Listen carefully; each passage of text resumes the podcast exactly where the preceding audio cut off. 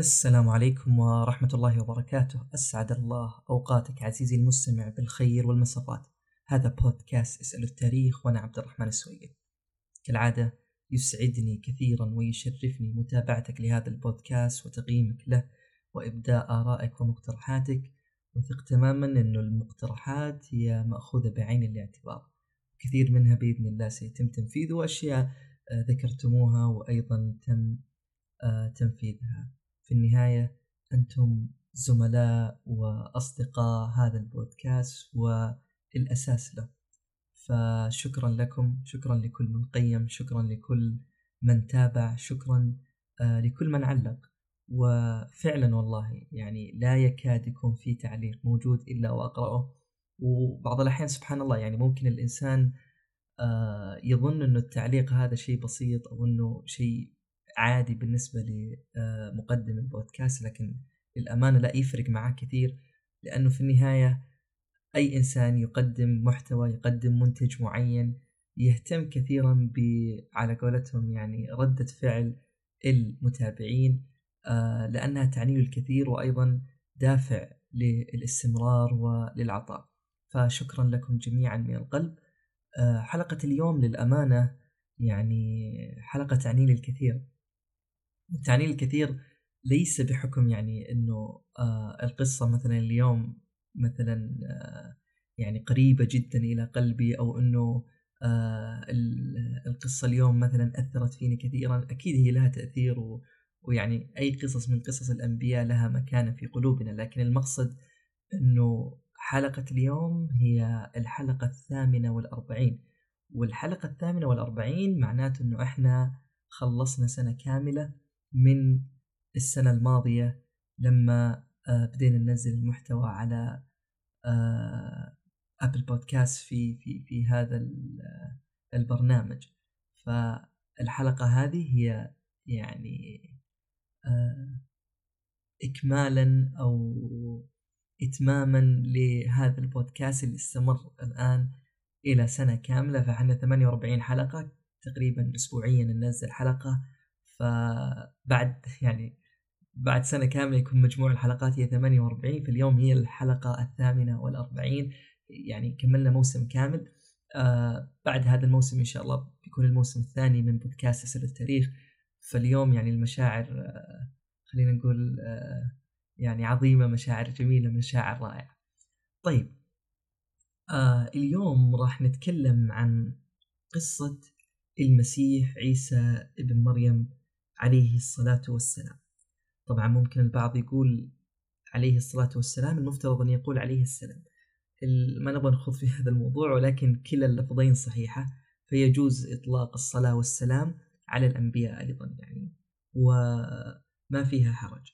طيب طبعا قصة عيسى عليه السلام تبدأ من وقت مريم عليه السلام لما حملت به لكن حتى نفهم يعني سياق الأحداث ما ينفع أن نبدأ من ولادة عيسى بل إننا ناخذ يعني بالزمن إلى ما قبل عيسى عليه السلام حتى نفهم كيف كانت مريم إيش اللي أدى إلى آه هذه الأحداث.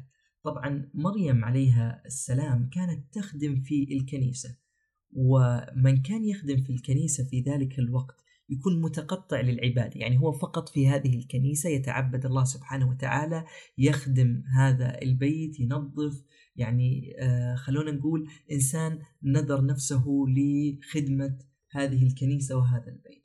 طبعا في هذه الكنيسة كانت مريم عليه السلام معها ابن عمها يوسف بن يعقوب النجار وكانوا كلهم يخدمون هذه الكنيسة. ويوسف آه النجار كان رجل يعني فيه حكمة وكان رجل يعني فيه خير ودين و آه، يعني كانوا الاثنين يخدمون في هذه الكنيسة وكانت مريم عليه السلام. إذا الماء عندها نفذ وأيضا نفذ عند يعني ابن عمها يوسف كانوا كل واحد منهم يأخذ الإناء حقه ويروح إلى مغارة فيها ماء. كانوا يستعذبون الماء اللي فيها. الماء اللي فيها كان طعمه جدا لذيذ. وكانوا يأخذون من ذلك الماء اللي في تلك المغارة ويرجعون إلى الكنيسة. المهم أنه يوم من الأيام خرجت مريم حتى أنها يعني آه، تأخذ من هذا الماء اللي استعذبته وعجبها وجاءت إلى يوسف حتى أنه يروح معها ولكن يوسف اعتذر بالمجيء معها لأنه كان الماء عنده كافي يعني الماء عنده ما خلص اللي خلص فقط عند مريم عليها السلام. المهم انطلقت مريم عليها السلام حتى دخلت إلى تلك المغارة. وفجأة وهي داخل المغارة إلى يعني إذ برجل يعني يقدم عليها هذا الرجل كان هو جبريل عليه السلام. طبعا مباشرة جبريل قال لها إن الله قد بعثني إليك حتى إني أهب لك غلام زكية حتى إني أجعلك يعني يكون عندك غلام آه، تقي. فمريم عليها السلام استغربت وقالت يعني في البداية لما شافت لأنها استنكرت أنها ترى رجل في هذا المكان اللي ما عهدت أنها تجد فيه أحد. فقالت إني أعوذ بالرحمن منك إن كنت تقيا طبعا آه بعدها لما قال لها جبريل عليه السلام آه عفوا جبريل عليه السلام أنه آه قال في في الآية إنما أنا رسول ربك لأهب لك غلاما زكيا فردت عليه مريم قالت أن يكون لي غلام ولم يمسسني بشر ولم أك بغيا قال كذلك قال ربك. إلى آخر الآية.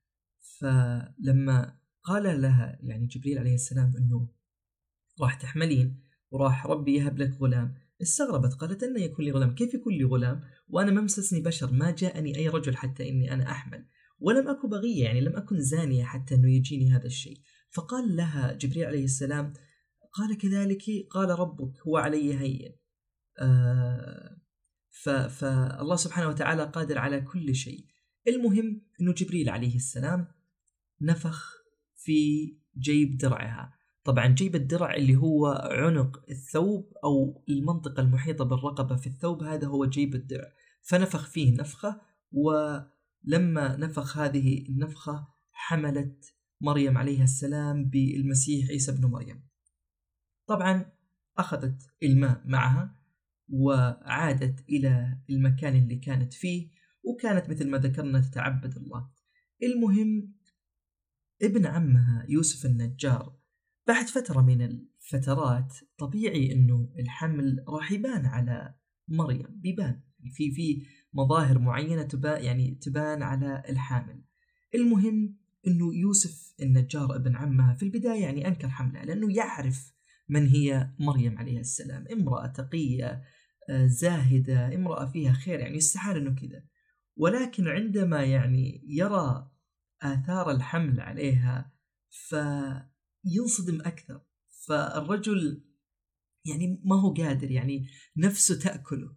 مرة ينظر إليها ويقول هذه مريم هذه يعني ابنة عمي هذه اللي أنا يعني آه، أعرفها زين هذه المرأة يعني آه، امرأة تقية صالحة ما هي يعني مثلا يعني فترة أنا أعرفها من زمان ولكن أيضا لما ينظر إلى آثار الحمل ما هو قادر أنه يكذب عيونه في هذا الخبر فما فما استطاع.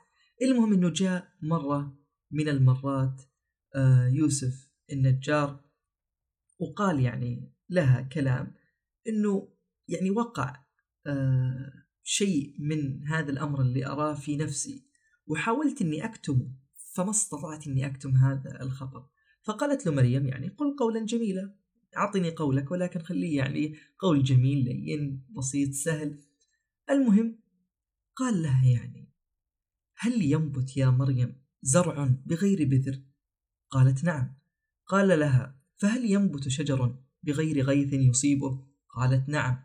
قال فهل يكون ولد بغير ذكر؟ قالت له نعم. بعدين ردت مريم قالت ألم تعلم أن الله أنبت الزرع يوم خلقه بغير بذر. ألم تعلم أن الله خلق الشجر من غير مطر وأنه جعل بتلك القدرة الغيث حياة للشجر بعدما خلق كل واحد منهما وحده؟ أو تقول لن يقدر الله على أن ينبت حتى يستعين بالبذر والمطر. فهي كانت تقول يعني هل أنت تعتقد أنه الله سبحانه وتعالى ما يستطيع إلا لما يخلق البذر والمطر عشان يتكونون؟ لا يستطيع قبلها بكن فيكون. فقال يعني يوسف النجار لا والله ما أقول هذا ولكن يعني إن الله يقدر يعني يقدر على أي شيء في هذه الحياة. فبعد ذلك القول فقيل إنه طبعا قبل هذه النقطة قالت مريم إنه الله قادر على كل شيء آه، أي شيء يقول له كن فيكون وقالت له ألم تعلم أن الله خلق آدم وحواء من غير ذكر ولا أنثى؟ قال بلى. يقول بعدها يعني لما قالت هذا الكلام وقع في نفسي أنه الشيء اللي فيها هو من الله سبحانه وتعالى ولا يسعه يعني أنه يسألها أكثر لأنه شاف أنها هي مش حابة أنها تتكلم في آه هذا الموضوع فما ضغط عليها أكثر. طبعا قيل أنه مريم آه عليه السلام مرة من المرات دخلت عليها خالتها وخالتها هي امرأة زكريا آه عليه السلام النبي فلما زارتها في تلك الليلة طبعا مثل ما ذكرنا هي خالتها وزكريا أيضا لما رأى الرزق عند مريم يعني سألها قال لك آه قال اللهم صل وسلم على نبينا محمد. آه والله نسيت الآية لكن المقصد أنه لما دخل عليها وشاف عندها الرزق وشاف عندها الخير فقال لها يعني مريم من أين لك هذا؟ فقالت هذا من عند الله. فخرج وقتها ودعا الله سبحانه وتعالى أن يرزقه بالذرية. وفعلا رزقه الله بيحيى. المهم في تلك الفترة كانت خالتها اللي هي امرأة زكريا كانت حامل بيحيى. فلما فتحت لها الباب مريم والخالة جاية تزور مريم فوجدت وقتها امرأة زكريا إنه ابنها كأنه يعني يسجد للذي في بطن مريم. فقالت لها يعني إني وجدت ما في بطني يسجد لما في بطنك فهذه أحد القصص التي رويت آه، عن زكريا عفوا عن يحيى وعيسى عليهما السلام وكلاهما في بطن أمه.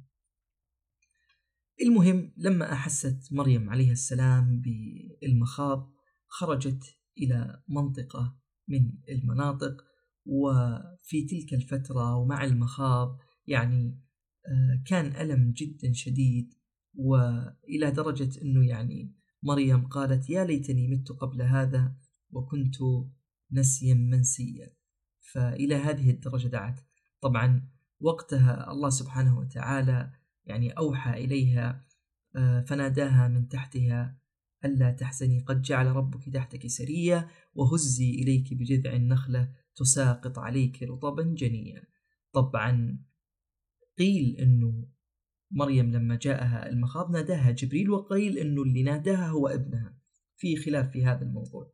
لكن في كلا الحالتين لما يعني آه يعني حزنت وقالت يا ليتني مت قبل هذا وكنت نسيا منسيا يعني ليتني مت قبل هذا ليتني ما أحد يعرفني ولا أعرف أحد. فالله أوحى إلى جبريل أو إلى عيسى أنه يقول هذا الكلام وقيل أنه لما تهز الجذع جذع النخلة تساقط عليها الرطب وأكلته قيل أنه أصلا هذا جذع كان مقطوع فلما هزته إذا أصبح نخلة وقيل أنه أصلا ما كان فيه يعني يعني كان أصلا يعني شبه ميت فلما هزته استقام وخضر وأصبح يعني فيه الرطب وقيل لا أنه كان هو جذع نخلة ما في أي شيء مثل ما هو. فالروايات تختلف في هذا الموضوع. المهم الله سبحانه وتعالى بعد ذلك يقول فكلي واشربي وقري عينا فإما ترين من البشر أحدا فقولي إني نذرت للرحمن صوما فلن أكلم اليوم إنسيا. طبعا في ذلك الزمان كان الذي يصوم لا يتكلم حتى يمسي.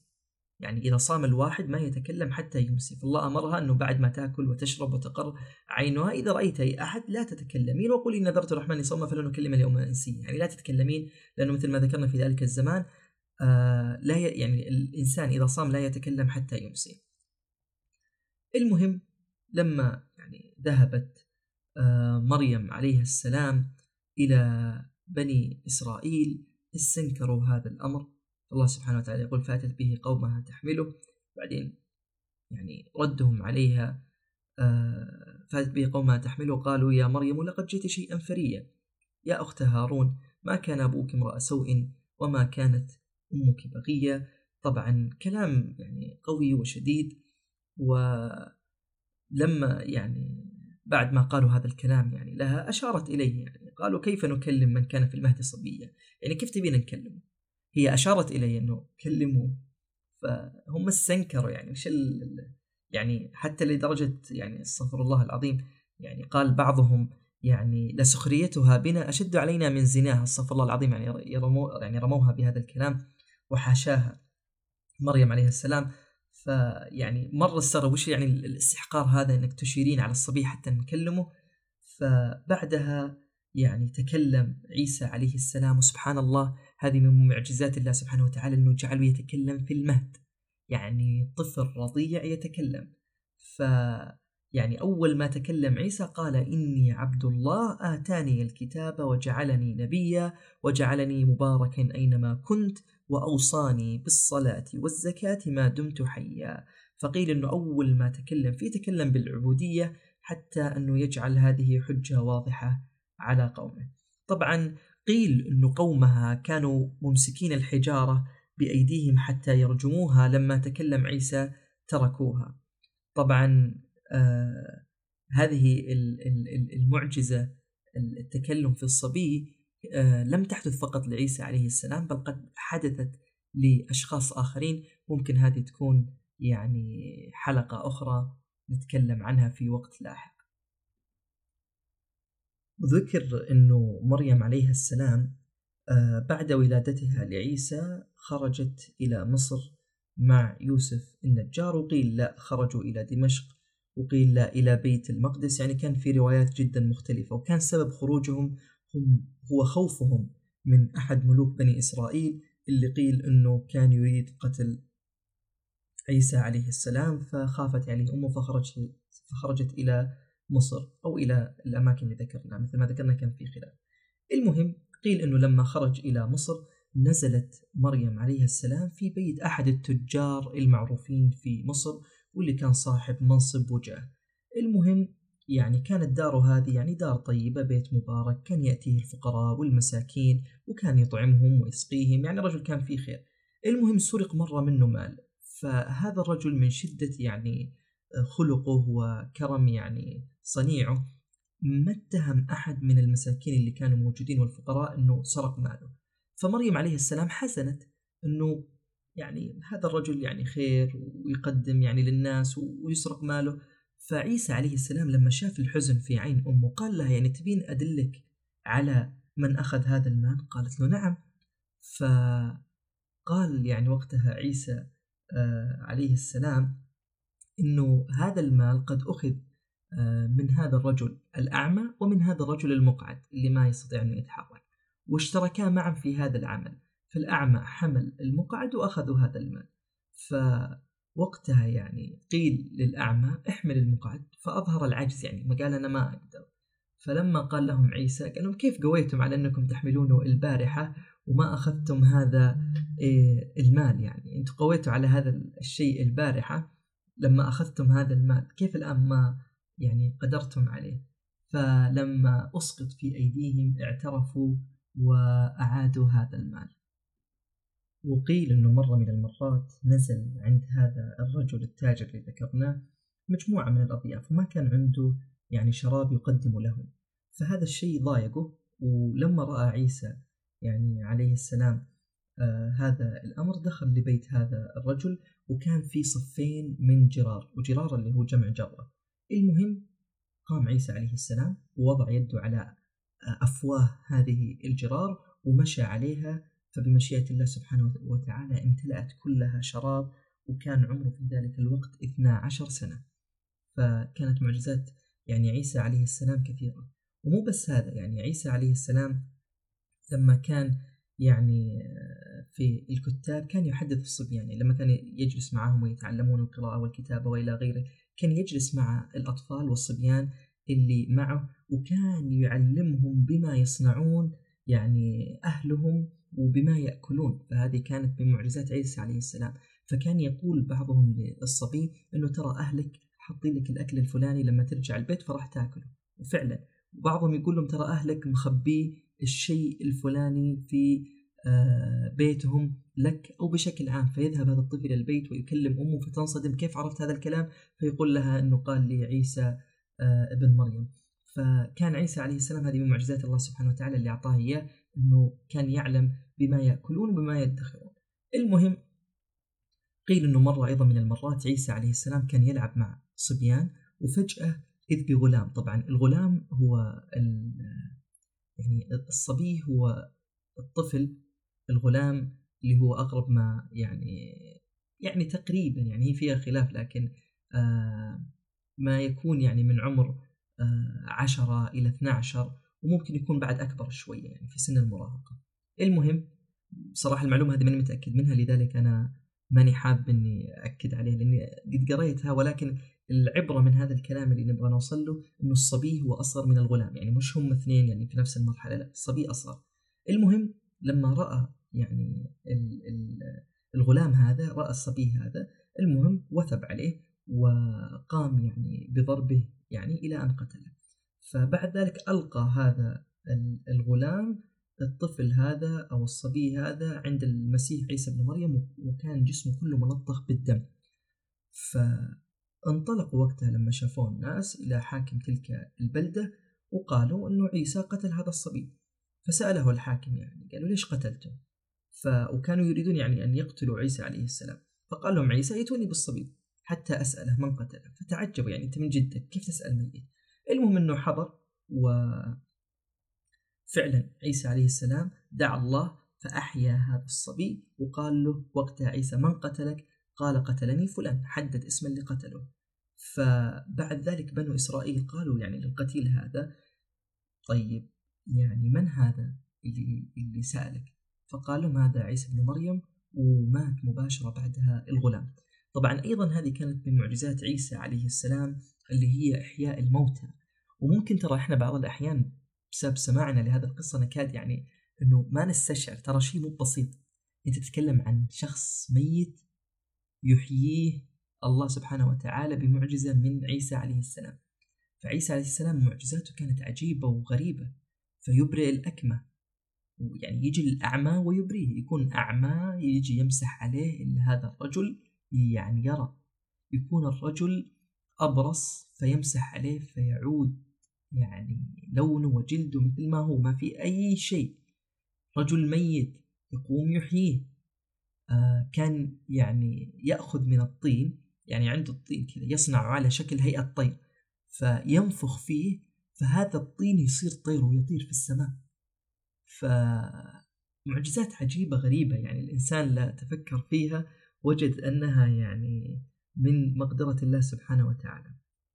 المهم نرجع إلى قصتنا آه، فقيل أنه مرة من المرات يعني مريم عليه السلام آه، جعلت يعني ابنها عند صباغ حتى يتعلم منه يعني كيف يصبغ الثياب ويلونها. المهم هذا الصباغ في يوم من الأيام جت له يعني شغلة معينة فقال وقتها لعيسى أنه هذه الثياب مختلفة شوف كل واحد منها مختلف لونه أنا حطيت لك يعني خيط على كل ثوب فيه اللون اللي أبغاك تصبغ فيه هذا الثوب. يعني في مجموعة ثياب وكل واحد من هذه الثياب عليه يعني خيط. الخيط فيه هذا اللون اللي أبغاك تصبغ فيه الثوب مثلا أحمر أصفر أخضر إلى آخره. ويعني أصبغها حتى أخلص من الشغلة حقتي وأرجع. المهم عيسى عليه السلام أخذها كلها وألقاها في سلة واحدة. ولما رجع الصباغ سألوا عن الثياب. وينها؟ قال شوف صبغتها. قال وين صبغتها؟ قال كلها في هذه السلة. فقال كيف جعلتها كلها؟ يعني أنت أفسدت هذه على أصحابها. فغضب هذا الرجل. فقال له يعني وقتها عيسى بن مريم إنه اصبر ولا تعجل علي وانظر لها يعني قبل أنك تحكم.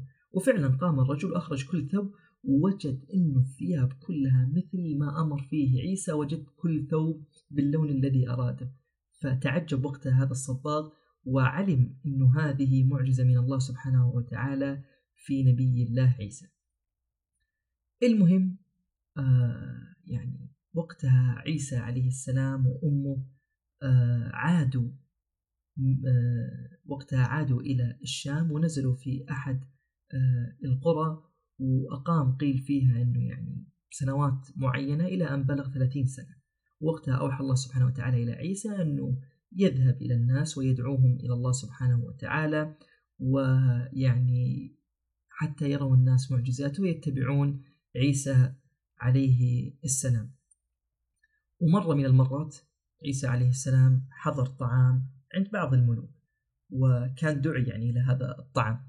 المهم كان عيسى يأكل والأكل يعني والأكل اللي كان يأكل منه ما ينقص. يعني الطبيعي أنك إذا أكلت من شيء أنه ينقص. فالملك هذا استغرب قال له من أنت؟ فقال له عيسى أنا عيسى بن مريم. فالملك هذا نزل من ملكه واتبع يعني عيسى عليه السلام وقيل إنه هو واصحابه هم الحواريين. وفي قول آخر إن الحواريين اللي هم أصحاب عيسى عليه السلام هم الصباغ اللي كان ذكرناه سابقا يعني يعمل عنده مجموعة من أصحابه. واختلفوا بعضهم بعضهم قالوا صيادين بعضهم قالوا ملاحين ولكن هذا علم عند الله سبحانه وتعالى. المهم آه، الحواريين هؤلاء كان عددهم اثنا آه، عشر رجل. وكانوا سبحان الله تعالى يعني إذا جاعوا ولا عطشوا يعني قالوا لعيسى بن مريم يا روح الله قد جعنا وعطشنا. فكان يضرب يده إلى الأرض فيخرج يعني لكل واحد منهم رغيف أو رغيفان ويعني يخرج لهم ما يشربون منه. فكانوا يقولون يعني من أفضل منا؟ إذا شئنا أطعمتنا وسقيتنا. فقال لهم عيسى أفضل منكم من يأكل من كسب يده. فقيل أنه بعدهم صاروا يغسلون الثياب بالأجرة حتى أنهم يأكلون من كسب يدهم. طبعا مثل ما ذكرنا كان في معجزات كثيرة لنبي الله عيسى عليه السلام. ف يعني مثل ما ذكرنا من إنه يأخذ الطين ويشكله على شكل طير وينفخ فيه فهذا يكون طير. وأيضا مثل ما ذكرنا في إنه يعني يشفي الأعمى والأبرص وإنه يحيي الموتى. يعني لك أن تتخيل إنه كان في رجل اسمه عازر وكان هذا الرجل صديق لعيسى عليه السلام فمرض مرة من المرات. فأرسلت أخته أخت هذا الرجل اللي كان صديق لعيسى إنه عازر سيموت. فسار إليه وقتها عيسى وكانت المسافة بينهم مسافة ثلاثة أيام. فلما وصل إليه عيسى بن مريم عليه السلام كان الرجال ميت له ثلاثة أيام. فتخيل أتى عيسى عليه السلام إلى قبره. فدعا الله سبحانه وتعالى فعاش هذا الرجل. ومو بس عاش بقي حتى ولد له. يعني تخيل كان ميت جاء على قبره دعا الله سبحانه وتعالى قام هذا الرجل من قبر من قبره وعاش وأيضا ولد له. فسبحان الله وقيل أيضا أنه مرة من المرات أحيا أحد النساء وعاشت وولد لها. وقيل أنه كان مرة يمشي مع أصحابه الحواريين. ويعني تذاكروا قصة نوح عليه السلام وغرق السفينة. فقال يعني أصحابه لماذا لا تبعث لنا يعني من شهد ذلك؟ فأتى وقتها إلى أحد التلال وقال هذا قبر سام ابن نوح. ودعا الله فعاش. وقام الرجل وكان مفزوع قال يعني هل قد قامت القيامة؟ فقال المسيح لا ولكني دعوت الله فأحياك فاسألوه فأخبرهم. ثم عاد ميتا. يعني قاموا وسألوه وأخذوا كل الأخبار اللي يريدونها من يعني سام بن نوح. بعدين عاد هذا الرجل آه، ميت. فالقصص هذه يعني قصص جدا كثيرة وحتى قيل يعني أنه كان عيسى عليه السلام يمشي على الماء ففي أمثلة كثيرة. طبعا في نقطة هنا يجب أنه يعني نعلمها. في بعض القصص أو يمكن كثير من القصص اللي أنا ذكرتها في هذه الحلقة يعني نسبة كبيرة منها تصنف بالإسرائيليات. والإسرائيليات لا تصدق ولا تكذب لأنها آه، ما في نص في القرآن يخالفها وأيضا ما في نص يعني في القرآن أو في السنة النبوية يدعم هذه القصص. فبالتالي هذه القصص يعني لا تصدق ولا تكذب في محل يعني ما بين هذا وهذا. ف يعني مثل هذه القصص إذا كان لها معنى ويستأنس بها فما في مانع لكن إذا كانت مخالفة للكتاب والسنة فهنا تكون مشكلة. فمثل ما ذكرنا يعني جزء من هذه القصص قد يكون صحيح وقد يكون خاطئ الله أعلم لكن هي إسرائيليات المهم استكمالا لقصة عيسى عليه السلام. قيل أنه يعني مرة من المرات آه الحواريين يعني قالوا لعيسى عليه السلام هل يستطيع ربك أن ينزل علينا مائدة من السماء؟ فكانوا يريدون يعني يشوفون يعني هذه المائدة ومثل ما ذكر الله يعني سبحانه وتعالى فوقتها دعا عيسى عليه السلام وقال اللهم ربنا أنزل علينا مائدة من السماء تكون لنا عيدا لأولنا وآخرنا. فوقتها الله سبحانه وتعالى أنزل هذه المائدة من السماء وهذه أيضا من معجزات عيسى عليه السلام. قيل أن المائدة هذه الذي نزلت آه، كان فيها خبز ولحم وكانوا يأكلون منها ولا تنفذ. وقيل إنه يعني كانت يعني يعني قال لهم عيسى إنها مقيمة فيكم يعني ستبقى فيكم لكن لا أحد يأخذ منها ويدخر له. فيقول يعني يعني ما مضى يعني يومهم حتى في أحد منهم أخذ وادخر فيعني ذهبت هذه المائدة. وقيل إنه لا يعني أقبلت الملائكه وقتها وكانت تحمل هذه المائدة وعليها سبعة أرغفة وسبعة أحوات اللي هي الأسماك. ف وقيل لا إنه هذه المائدة كانت يعني آه اللهم صل وسلم على نبينا محمد كان يعني عليها من ثمار الجنة وكانت يعني مائدة جدا كبيرة وكان فيها كل أصناف الطعام إلا اللحم. وقيل لا كانت فقط فيها يعني سمكة كبيرة فيها طعام كل شيء. وقيل إنه لما أكلوا منها يعني عدد اللي أكلوا منها كانوا خمسة آلاف وأكلوا منها حتى شبعوا.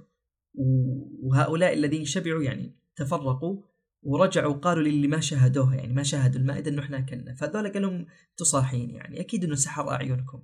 فبعضهم يعني افتتن وكفر إنه يعني بهذه المائدة فوقتها الله سبحانه وتعالى مسخهم خنازير وقيل إنه بقوا ثلاثة أيام ثم ماتوا. طبعا الله سبحانه وتعالى ذكر في القرآن إنه من سيكذب في هذه المائدة؟ يعني سأعذبه عذابا لا أعذبه أحدا من العالمين. فهذه النقطة يعني جدا مهمة. فهؤلاء كفروا بهذه المائدة فبالتالي حق عليهم عذاب الله سبحانه وتعالى. المهم إنه هذه المائدة يعني اختلف جدا كثير في وصفها وفي شكلها.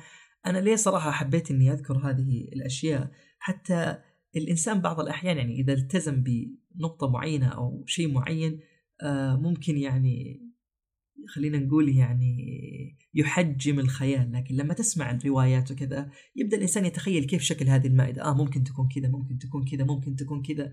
ولكن إيش الأصح فيها؟ هذا علم عند الله لأنه مثل هذه الأشياء يصعب إنه الإنسان يجسم فيها. المهم ذكر إنه هذه المائدة كانت يعني سفره حمراء آه، تحتها غمامة وفوقها غمامة وقيل إنهم كانوا ينظرون لها وهي تنزل عليهم حتى جاءت بين أيديهم. وقتها بكى عيسى عليه السلام وقال اللهم اجعلنا من الشاكرين اللهم اجعلها رحمة ولا تجعلها آه، مثلة آه، ولا عقوبة. وكان وقتها اليهود يعني ينظرون ومعجزة يعني عجيبة جدا. يعني شيء لم يروا مثله أبدا حتى لم يجدوا أيضا ريح أطيب من ريح هذه المائدة ريحها كانت طيبة. فوقتها سأل يعني أحد الحواريين قال يا روح الله أمن طعام الدنيا أم من طعام الجنة؟ الأكل هذا الجميل الرائع الرائحة الجميلة هذه الشيء اللي ما عمرنا في حياتنا شفناه. هل هو من طعام هذه الدنيا ولا من الجنة؟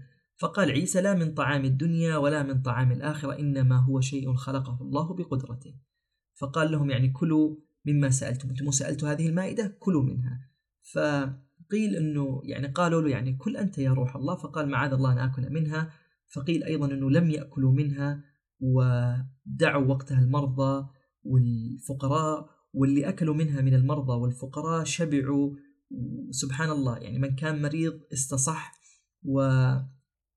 ومن كان يعني في فقر أصبح في غنى ورفعت يعني أو هذه المائدة صعدت آه، من أمامهم وهم ينظرون إليها وتوارت عنهم وندم يعني قيل أنه الحواريين أنه ما أكلوا منها. المهم المائدة اختلف يعني في كم فترة نزولها كم جلست. قيل إنها نزلت أربعين يوم وقيل إنها لا كانت تتنزل يوم وتنقطع يوم. المهم في خلاصة هذا الكلام إنه نزلت هذه المائدة وأكلوا منها ومن كفر بهذه المائدة عذبه الله سبحانه وتعالى بعذاب لم يعذبه يعني بأحد من العالمين. فكانت هذه المائدة يعني من معجزات عيسى عليه السلام. في يعني إحنا الآن تقريبا آه، في الفصل الأخير من قصة عيسى عليه السلام لكن قبل الفصل الأخير هذا اللي بنتكلم فيه اللي هو كيفية صعود عيسى عليه السلام وكيف رفع الله إليه. في قصة جميلة أيضا رويت عن عيسى عليه السلام وهي صراحة قصة يعني كذا لها معنى وقصة يعني تلامس القلب سبحان الله لأن لها لها يعني وقع. قيل أنه مرة من المرات خرج عيسى عليه السلام وقابلوا يهودي وكان مع هذا اليهودي رغيفان. فقال له عيسى أتشاركني في طعامك؟ يعني تشارك أنا وياك هذا الطعام لأنه حتى عيسى كان عنده طعام. فقال اليهودي نعم.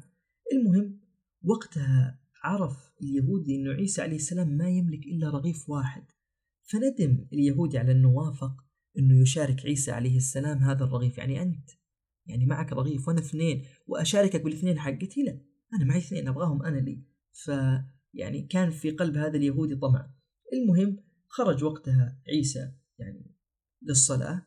وقتها يعني آه آه اللهم صل وسلم على نبينا محمد.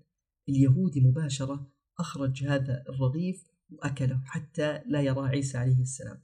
المهم وقتها سأل يعني بعد ما خلص صلاة عيسى عليه السلام أنه يعني آه اليهودي يعني أين الرغيف الآخر؟ أنه اليهودي ذكر أنه معي رغيفان. بعدين هو شاف أنه معاه رغيف فمثل ما ذكر لما ذهب للصلاة أخرج اليهودي الرغيف الأول وأكله فقال اليهودي باستنكار لم يكن معي إلا رغيف واحد. طبعا عيسى عليه السلام يعلم أن الرجل الآن كذب عليه. أنه لما سألوا المرة الأولى قالوا رغيفان وأيضا عيسى عليه السلام رأى هذا الرغيفان يعني اللي عند الرجل عند هذا اليهودي رأى أنه معاه رغيفين فكان يعلم ذلك. ولكن مثل ما ذكرنا الطمع اللي في قلب اليهودي جعل أنه ينكر هذا الشيء ويأكله حتى لا يشاركه مع عيسى عليه السلام.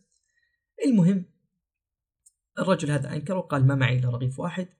فكل واحد من عيسى عليه السلام ومن هذا الرجل أكل رغيفه وبعد فترة يعني يعني ساروا إلى مكان معين ولما ساروا وجدوا رجل أعمى.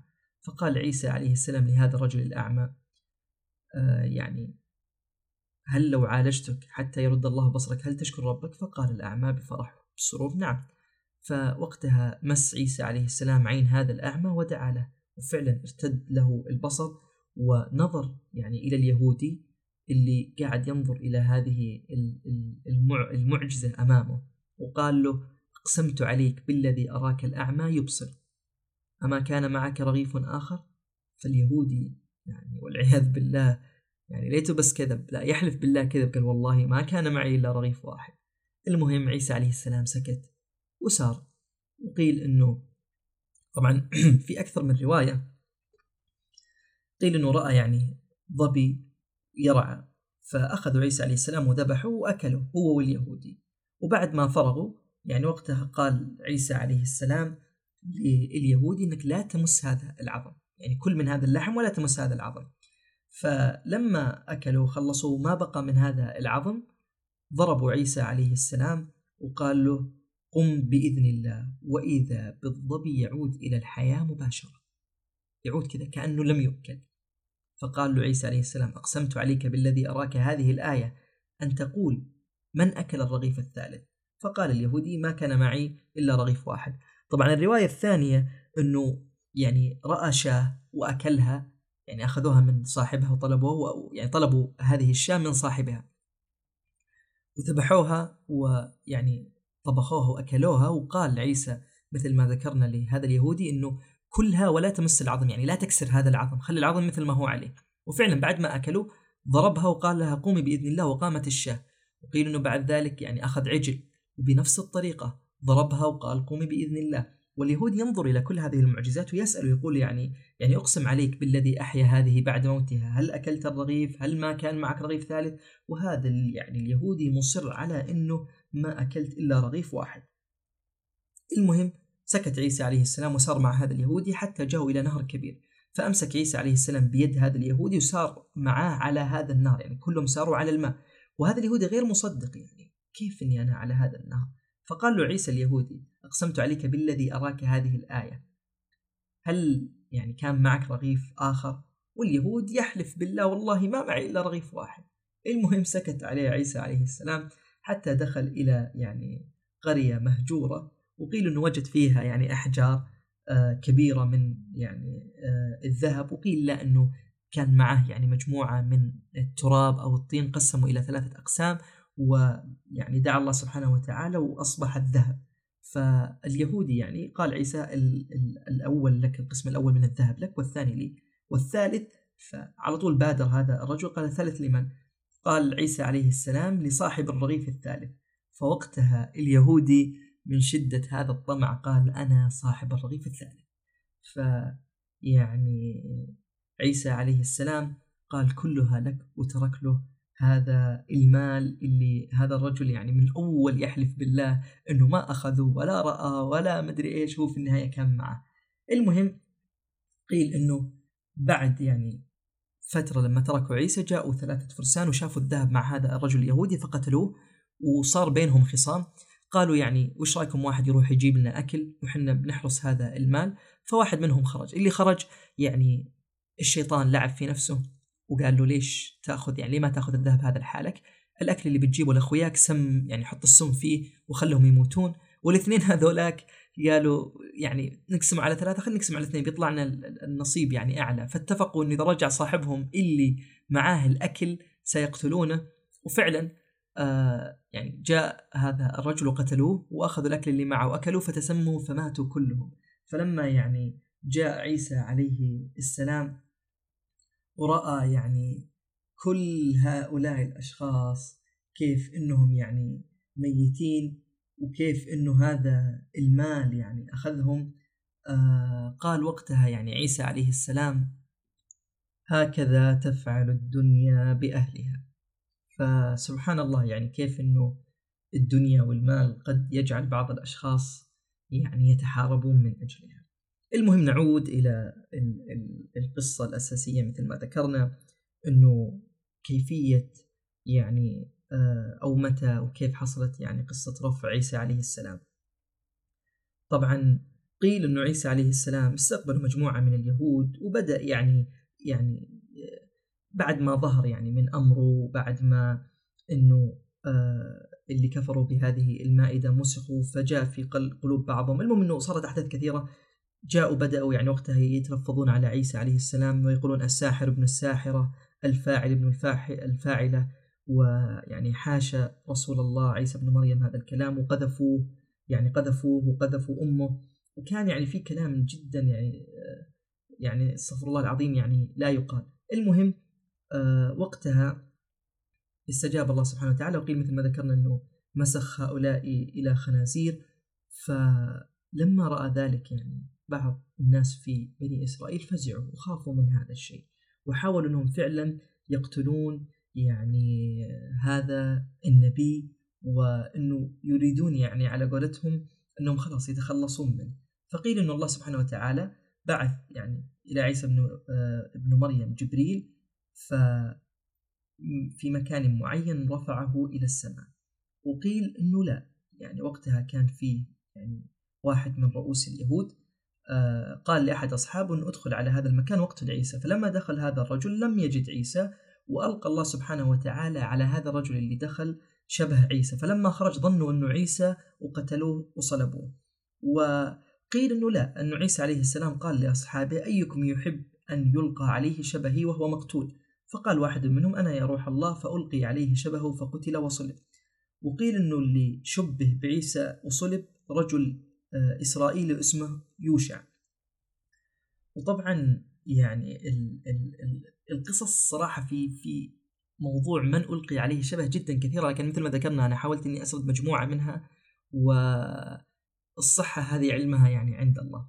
المهم قيل أيضا أنه عيسى عليه السلام لما علم أنه يعني آه سيرفعه الله وأنه يعني دعا الحواريين وصنع لهم طعام وقال يعني أنه تعالوا عندي هذه الليلة فأنا في لي يعني عندي حاجة لكم. فلما اجتمعوا عشاهم وقام يعني يخدمهم ولما يعني يعني خلصوا بدأ يغسل أيديهم بيده ويمسح يعني يمسحهم بثيابه فبدأ يعني يعني يخدمهم بشيء عجيب يعني. المهم أنهم تعظموا ذلك وكرهوا فقال وقتها عيسى يعني من يرد علي ليلة شيء مما أصنع فليس مني يعني؟ لا أحد يرد اللي أنا قاعد أسويه. المهم بعد ذلك بعد ما خدمهم وخلصوا كل حاجة قال لهم عيسى فليكن لكم بي أسوة فلا يتعاظم بعضكم على بعض. يعني خذوا من هذا الذي أنا أفعله أسوة لكم وتعلموا أنه لا أحد يرى نفسه على الآخر مهما كان. المهم وقتها عيسى عليه السلام يعني قال لهم يعني مقولة وهذه المقولة سبحان الله يعني تحققت. فالمقولة هذه يعني قال آه ليكفرن بي أحدكم قبل أن يصيح الديك ثلاث مرات ولا يبيعن ولا أحدكم بدراهم يسيرة ولا يأكلن ثمني. يعني في أحد منكم راح يكفر بي قبل ما يصيح الديك ثلاث مرات وفي أحد راح يبيعني وبدراهم يسيرة. وبياخذها ويكسب منها. المهم خرجوا هؤلاء من عنده الحواريين وتفرقوا ومثل ما ذكرنا كانت اليهود تطلبه. فأخذوا شم شمعون اللي ذكرنا أنه أحد الحواريين وقالوا هذا صاحب عيسى. فلما يعني أخذوه وبدأوا يعني يحققون معه وبدأوا فالرجل قال ما أعرف عيسى وأنا يعني لست بصاحبه وجحده. ولما أصروا عليه ثلاث مرات وبدأوا بالكلام أيضا الرجل مستمر وفعلا وقتها صاح الديك ثلاث مرات فبكى هذا الرجل وحزن. وبعد ذلك أتوا إلى أحد الحواريين لما طلبوا اليهود أن يقتلون عيسى فهذا الرجل دلهم على مكان عيسى وأعطوه ثلاثين درهم. المهم هذا الرجل اللي أعطوه ثلاثين درهم أتى معهم إلى البيت الذي كان فيه عيسى عليه السلام فدخلوا فرفع الله وقتها عيسى عليه السلام وألقى شبهه على هذا الرجل اللي دلهم عليه. فأخذوه ووثقوه وقادوه حتى أنهم يعني آه قتلوه وقالوا له يعني أنت الذي تحيي الموتى وأنت الذي تفعل كذا وكذا يلا هيا أنجي نفسك يعني. فالرجل قال لهم أنا اللي دليتكم عليه فما يعني سمعوا له وأخذوه ويعني وضعوه على الخشب وصلبوه. فمثل ما ذكرنا يعني قصة رفع عيسى عليه السلام والصلب هذا وقع على مين؟ مثل ما شفنا هي قصص مختلف فيها وقصص يعني كثيرة جدا ومثل ما ذكرنا يعني أغلب هذه القصص الله سبحانه وتعالى يعني ما ذكرها في القرآن أعطانا إياها بشكل مجمل أيضا في السنة النبوية نفس الشيء فلذلك هي من الإسرائيليات لا تصدق ولا تكذب ولكن يستأنس بها. إلى هنا عزيزي المستمع تنتهي هذه الحلقة. أستودعك الله الذي لا تضيع ودائعه. كن بخير. في أمان الله.